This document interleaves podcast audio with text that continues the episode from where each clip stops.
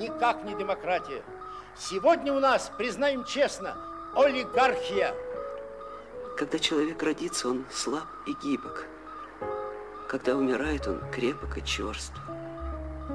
It does now seem likely that sometime in the last couple of days there's been perhaps the worst accident in the short history of the world's nuclear power industry.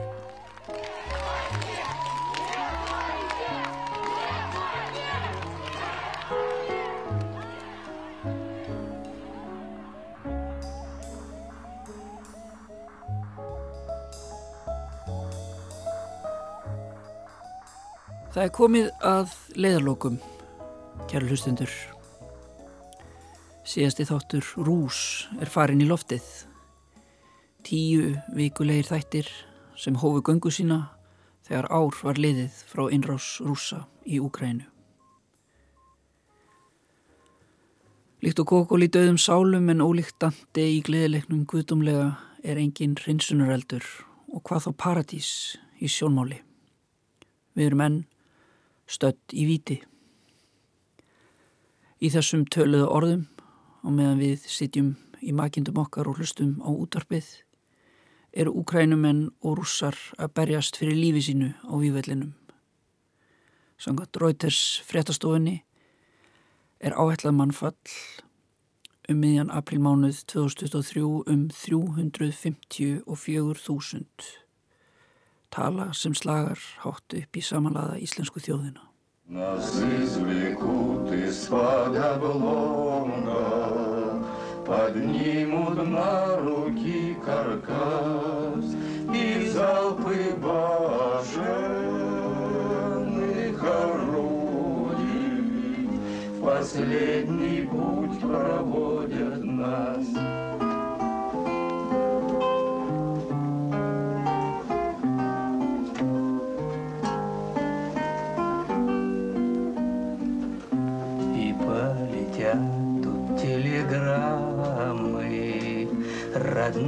знакомых известить, Что сын их больше не вернется И не приедет погостить, Что сын их больше не вернется и не приедет углу заплачет мать-старушка, Слезу рукой смахнет отец, И, дорогая,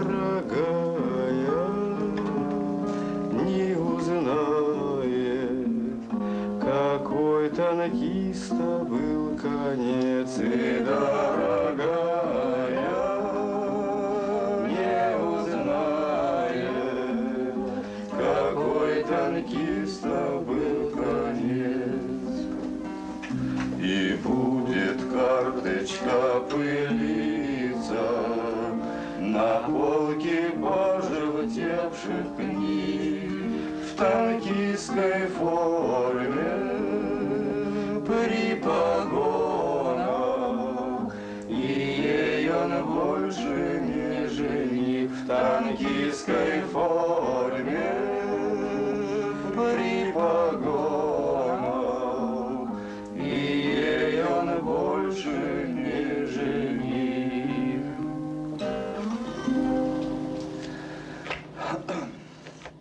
Hér heyrum við lægið Napolje Tanki Grokhatali eða drunur skreiðdregana á agrinum úr soviskri stríðsmynd frá 1968 Navainje Kagnavainje. Þetta er harmaljóð um örlög skriðdrega Hermanns í síðari heimstyrjöldinni. Sungið af félögum í liðsvitt hans. Góður drengur er fallin frá og senn mun símskeiti berast til móður, föður og verðandi eiginkonu sem öll býða hans heimaferir. Söngurinn byggir á eldralægi af Donbass svæðinu sem úkrænumenn og rússar hafa barist um að undaförnu.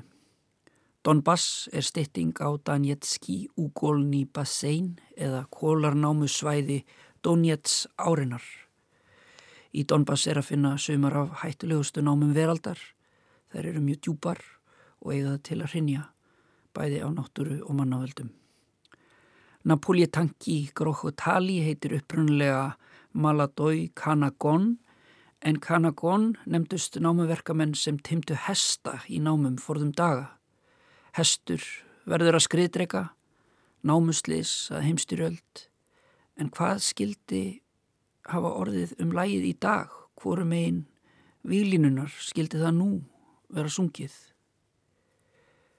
Ég heyrði lægið fyrst við undibúning á uppsetningu leikritsins Vanja Frændi eftir Anton Tjekov sem borgarleikusið frumsýndi í þýðingu minni árið 2020. Sem kunnugt er enda leikri Tjekovs á einhverju frægustu einræðu samanladra leik bókmentana og hún á ekki síður vel við í dag en um aldamóti 1900. Mér er svo þungt innanbrjóst, segir Vanja söguheitja verksins endutekið við Sonju sem svarar frænda sínum með svofeldum hætti. Það er ekkit við því að gera, við verðum að lifa. Við munum lifa, Vanja frendi. Við munum lifa heila halarófu af dögum og döpurum kvöldum. Við munum bera með þólinnmæði hlutskiptið sem örlögin hafa ætlað okkur. Við munum vinna fyrir aðra nú og eins eftir að við erum orðin gömul, vinna án kvildar og þegar kalli kemur munum við deyja í auðmygt. En handan við gröf og dauða munum við segja frá þjáningum okkar að við höfum grátið og gengið í gegnum sárindi og Guð mun sín okkur miskun, frendi, mér og þér, elsku frendi. Og þá mun ljúkast upp fyrir okkur líf sem er bjart, gott og fagurt. Við munum gleðjast og sjá óhemingi okkar í dag í öðru og mildara ljósi, brosa og anda léttar. Ég trúi, frendi, trúi því svo heitt og innilega. Krýpur, felur höfuð í höndum hans og segir brostin rödu. Við munum anda léttar. Til jekin leikur hljóðlega á gítarin. Við munum anda léttar og heyra englana syngja. Demant sprítir himnarnir munu opnast og öll heimsins ílska, allar okkar þjáningar, drukna í alltum líkjandi miskunnsemi. Og þá mun líf okkar verða friðsælt, ljúft og indislegt, eins og opin faðmur. Þurkar tár af hvarmi vanja með vasaklút. Vestlings, vestlings vanja frendi. Þú grætur. Þú hefur aldrei upplifað gleði í lífið þínu, en vittu til, vanja. Vittu til. Faðmar hann að sér. Við munum anda léttar. Það er barið í bretti. Til jekin leikur hljóðlega. María Vasiljevna skrifar á spássíu bæklings. Marína prjónar sokk. Við munum anda léttar. Tjaldið sígur hægt.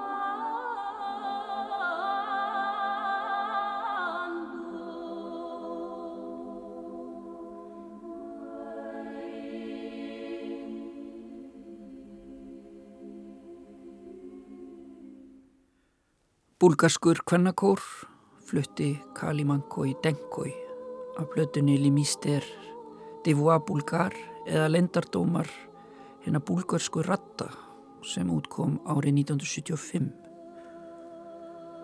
Þótt búlgarska og rúsneska séu náskild mál treyst ég mér ekki til að þýða þennan texta en það verða orð óþörf í þessu lægi sem í senn er kunnulega slafnest en um leið afar framandi og leiður okkur einhvern veginn að kjarnanum í mennskunni, kjarnanum í þessari þáttagerð. Rús er upphaf Rúslands en markar það jáfnframt endalók þess. Þangað sildu norrænir menn til forna og vilja ymsir meina að norrænum málum sé nafnið komið. Til rús stefna herir rúsa í dag til að endurhemta kænugarð og aðra helgar staði. Verður þetta sigur för sem gera mun Rúsland að einu stærsta heimsveldi veraldar að nýju? Eða er um að ræða sneipuför sem grafa mun undan og jáfnvel leysa upp Rúsland eins og við þekkjum það? Hvernig sem fer, þá hafa þessar hörmungar leitt heiminn á krosskutur. Og ein af stóru spurningunum sem vaknar varðar menningararleið slavneskra þjóða.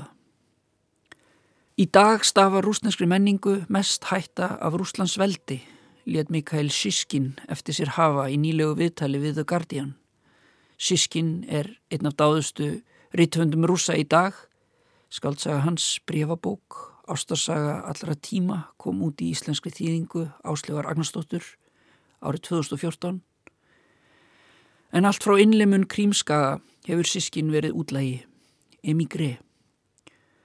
Hugtækið rús hefur verið skaldum og reythöfundum kert í gegnum tíðina og eins rúsum sem af einni eða annari ástöðu dvelja í útlegð frá heimahögum sínum. Rús er staður sem fyrirfinnst ekki lengur á landakorti heldur aðeins í huga þess sem unir slavnesku sögu og menningu. Rús er lendur gríðarstaður, staður þar sem hægt er að endumetta rúsneska menningararleið.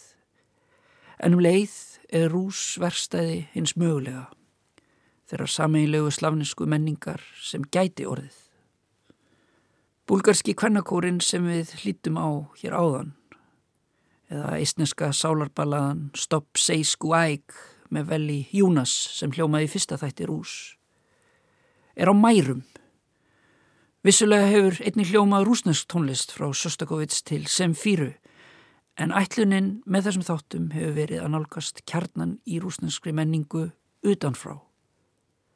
Tónlist setur öll landamæri á flott en það gerir innileg samræða líka.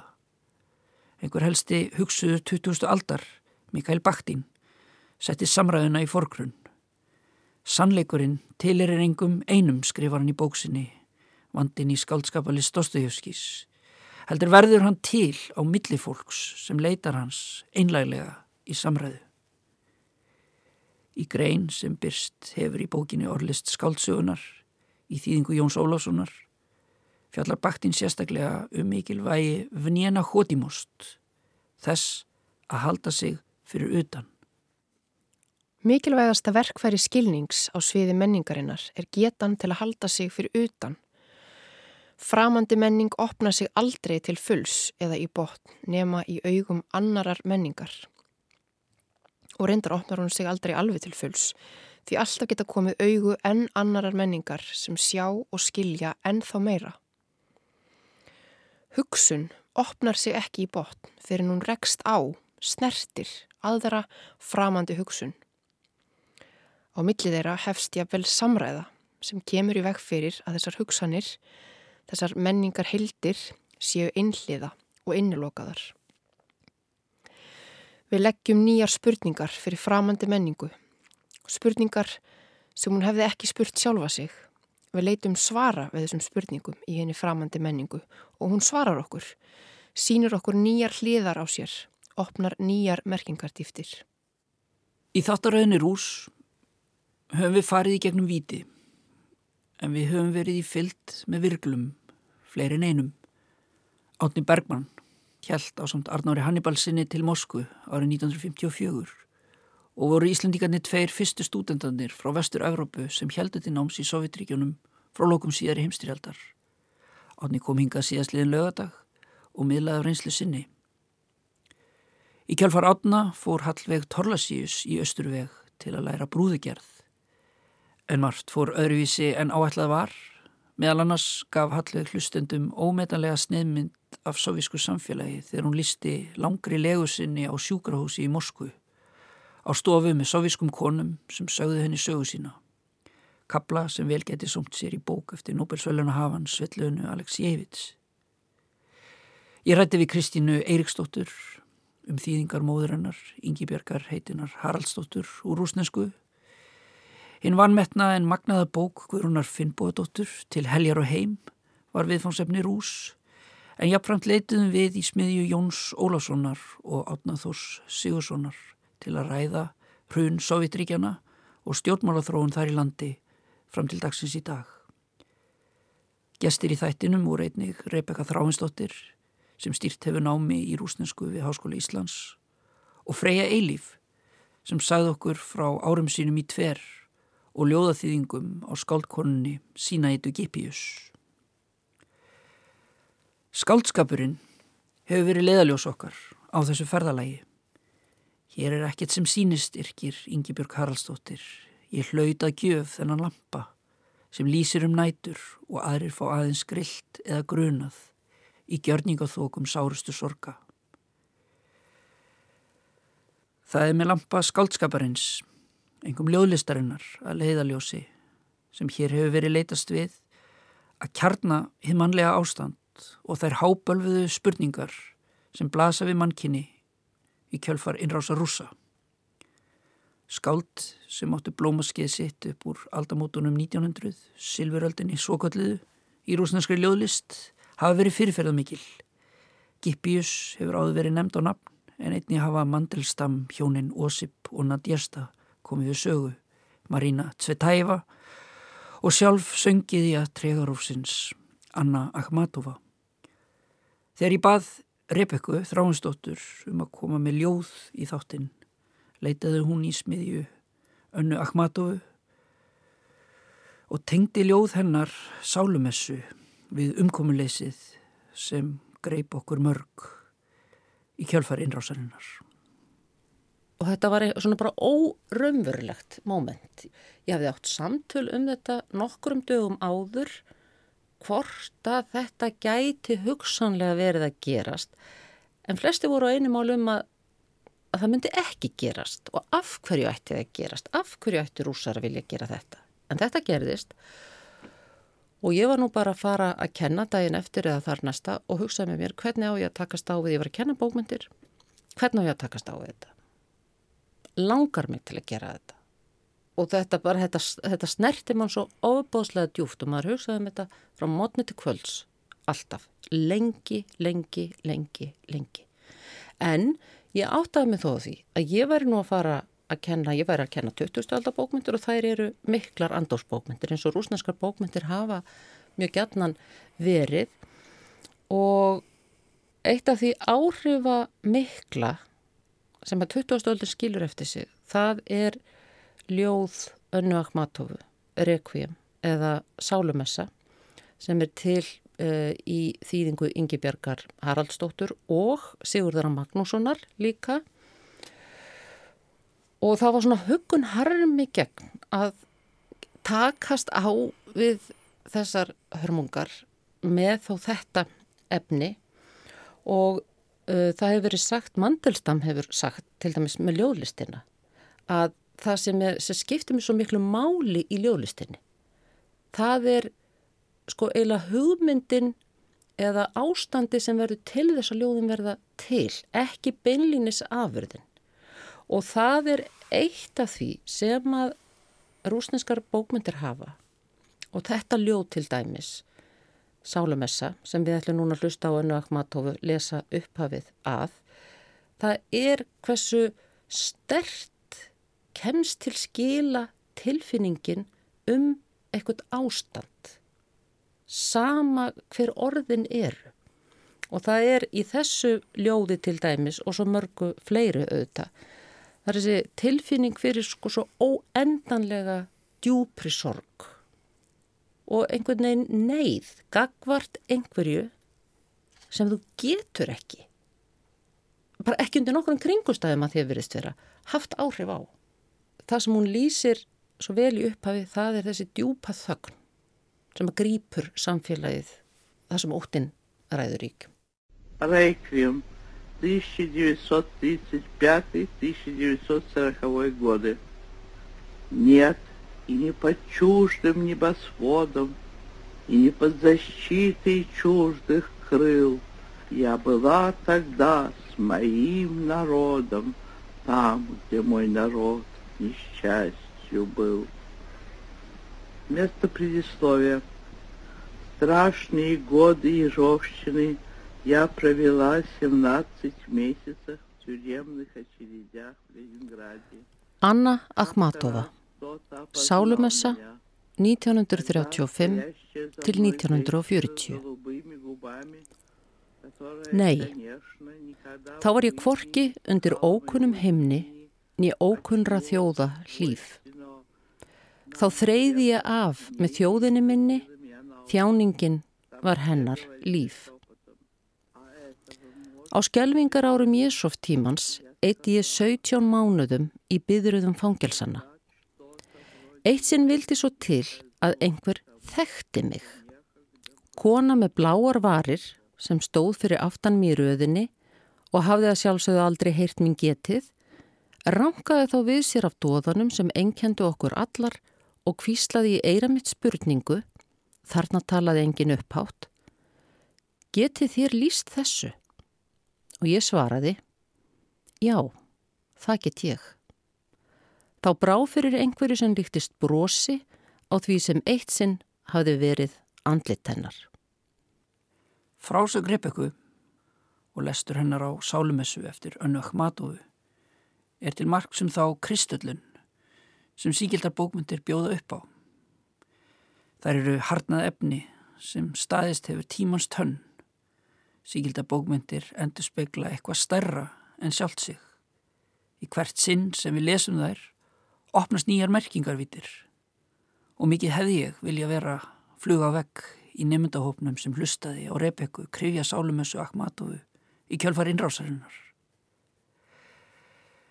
Kristöllun ljóðsins á þjáningum þeirra kvenna sem byðu á milli vonar og óta eftir fréttum af einmönnum sínum, sónum, ættmönnum og vinum í fangelsum Rúslands.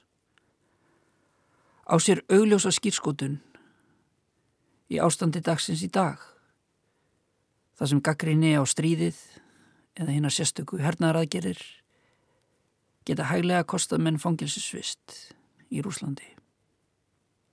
Þetta voru örlög Lefs Gúmljófs, enga svonar önnu Akhmatovu í reynsununum miklu. Þeim tímum þegar Nikola Jesov réði við leini þjónustunni og fjöldi rúsa var handtekinn fyrir litlar sem enga sakir og tekinn á lífi. Í 17 mánuði hef ég rópað og kallað á þig heim. Ég hef flykt mér að fótum böðursins.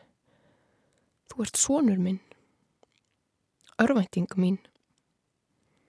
Allt er tóm ringulreið og ég veit ekki lengur hvað er maður og hvað er dýr og hvað langt verður enn til aftöku þinnar.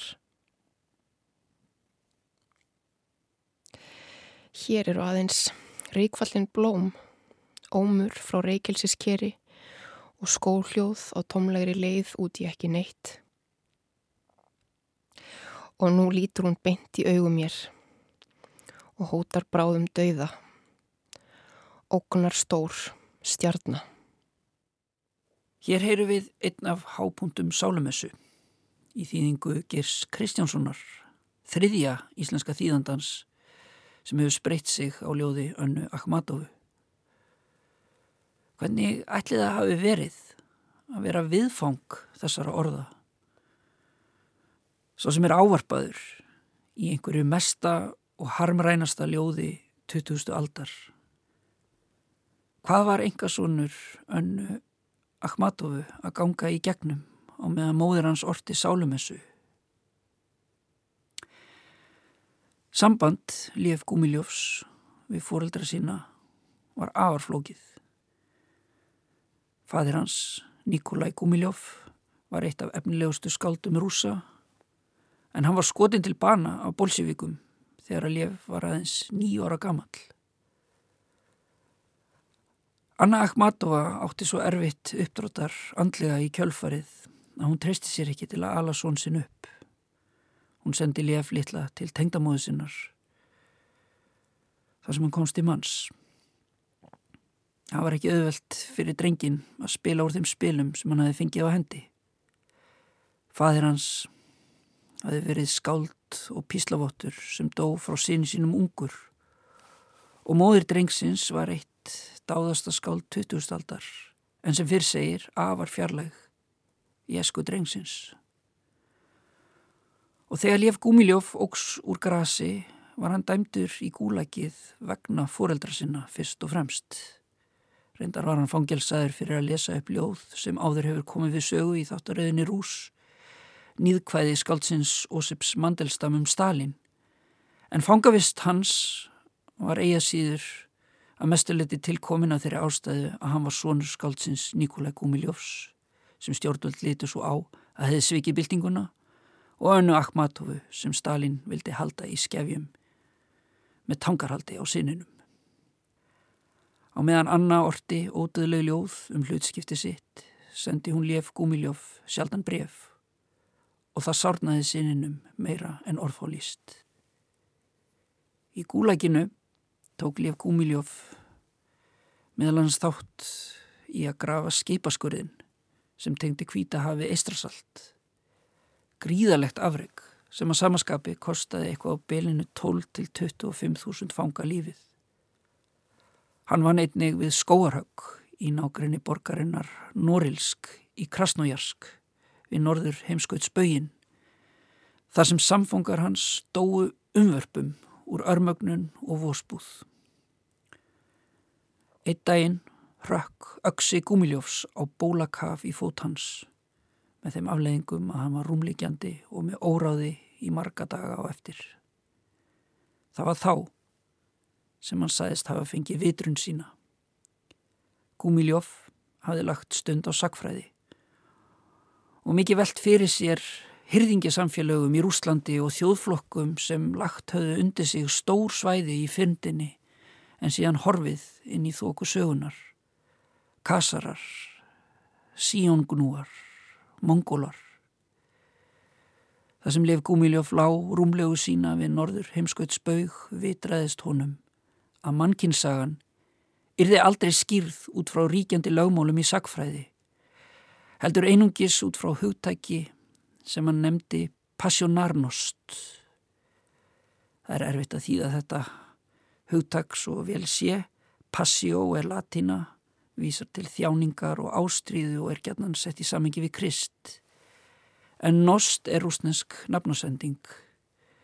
Hugmynd Gúmiljós var svo að samfélag á borði Mongóla sem risið höfðu og ríkt í Rúslandi stjórnuðist ekki af því sem veri skinsamlegt, upplýst eða þróað, heldur stjórnuðist þau af passionarnost, eðlisávísun manns og heilu samfélagana sem hverðist um ástríðu og fortfísi og breytist lítið í aldana rás.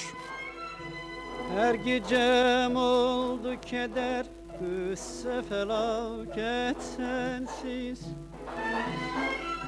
Her gecem oldu keder Güsse felaket sensiz. Her nefes çektim heder Gitti o savet sensiz. Her nefes çektim heder Gitti o savet sensiz senin ol celbeliyen vesrine and içtim inan. Senin ol celbeliyen vesrine and içtim inan. Hicrine yandı gönül Yok daha takat Sensiz. Ah ah Hicrine yandı gönül Yok daha takat Sensiz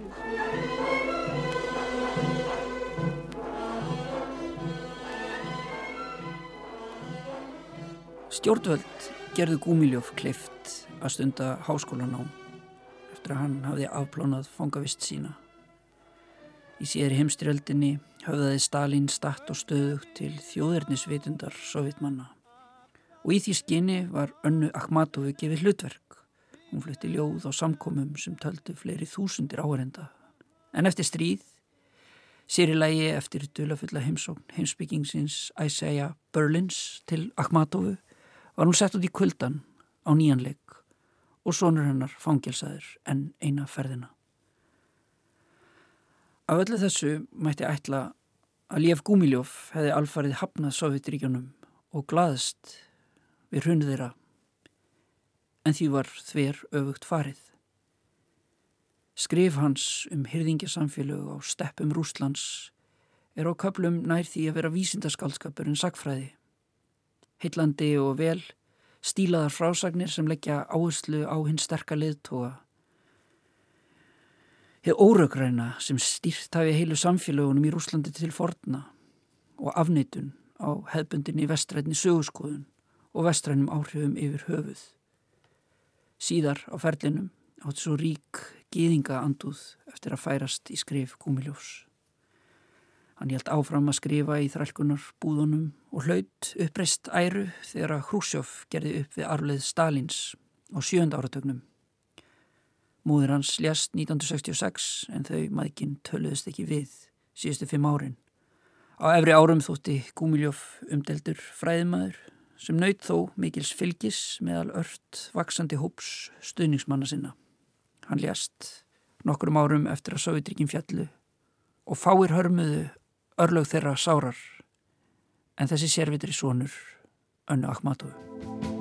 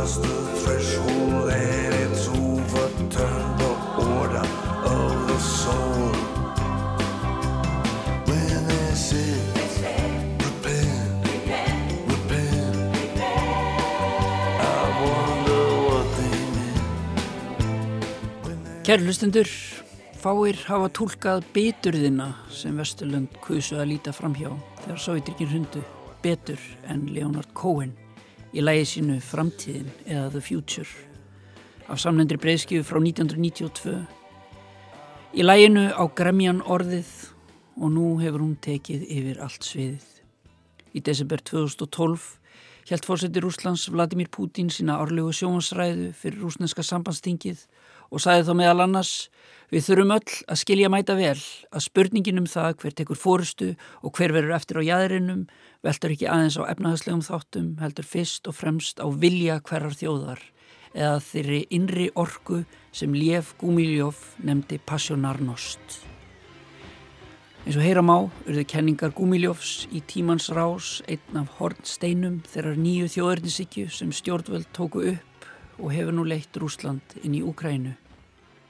Gatið sem marxisminn skildi eftir sig var fyllt upp með hugmyndafræði sem hann, Alexander Dúkin og fleiri hugmyndafræðingar hins nýja tíma kölluðu Jevrasístva, Evrasívismi, þar sem litið er svo á að Rúsland Tilheri hvorki Evrópun í Asíu heldur eigi að uppfylla sín eigin einstöku örlög sem stórvildis.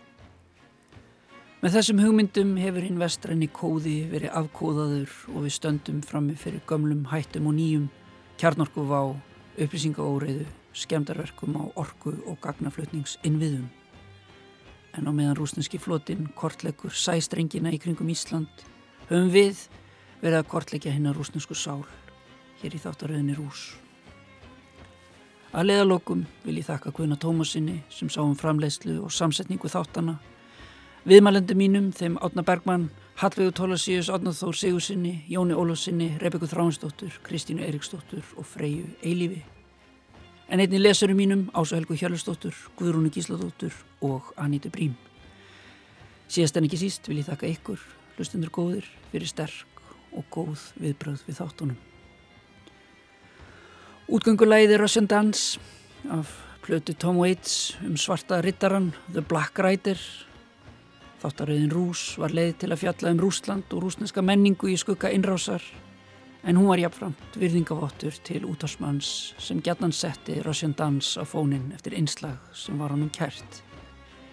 Ég er veit að tala um reytundin Eirik Heitin Guðmundsson en þessi þáttaröð var helguð minningu hans.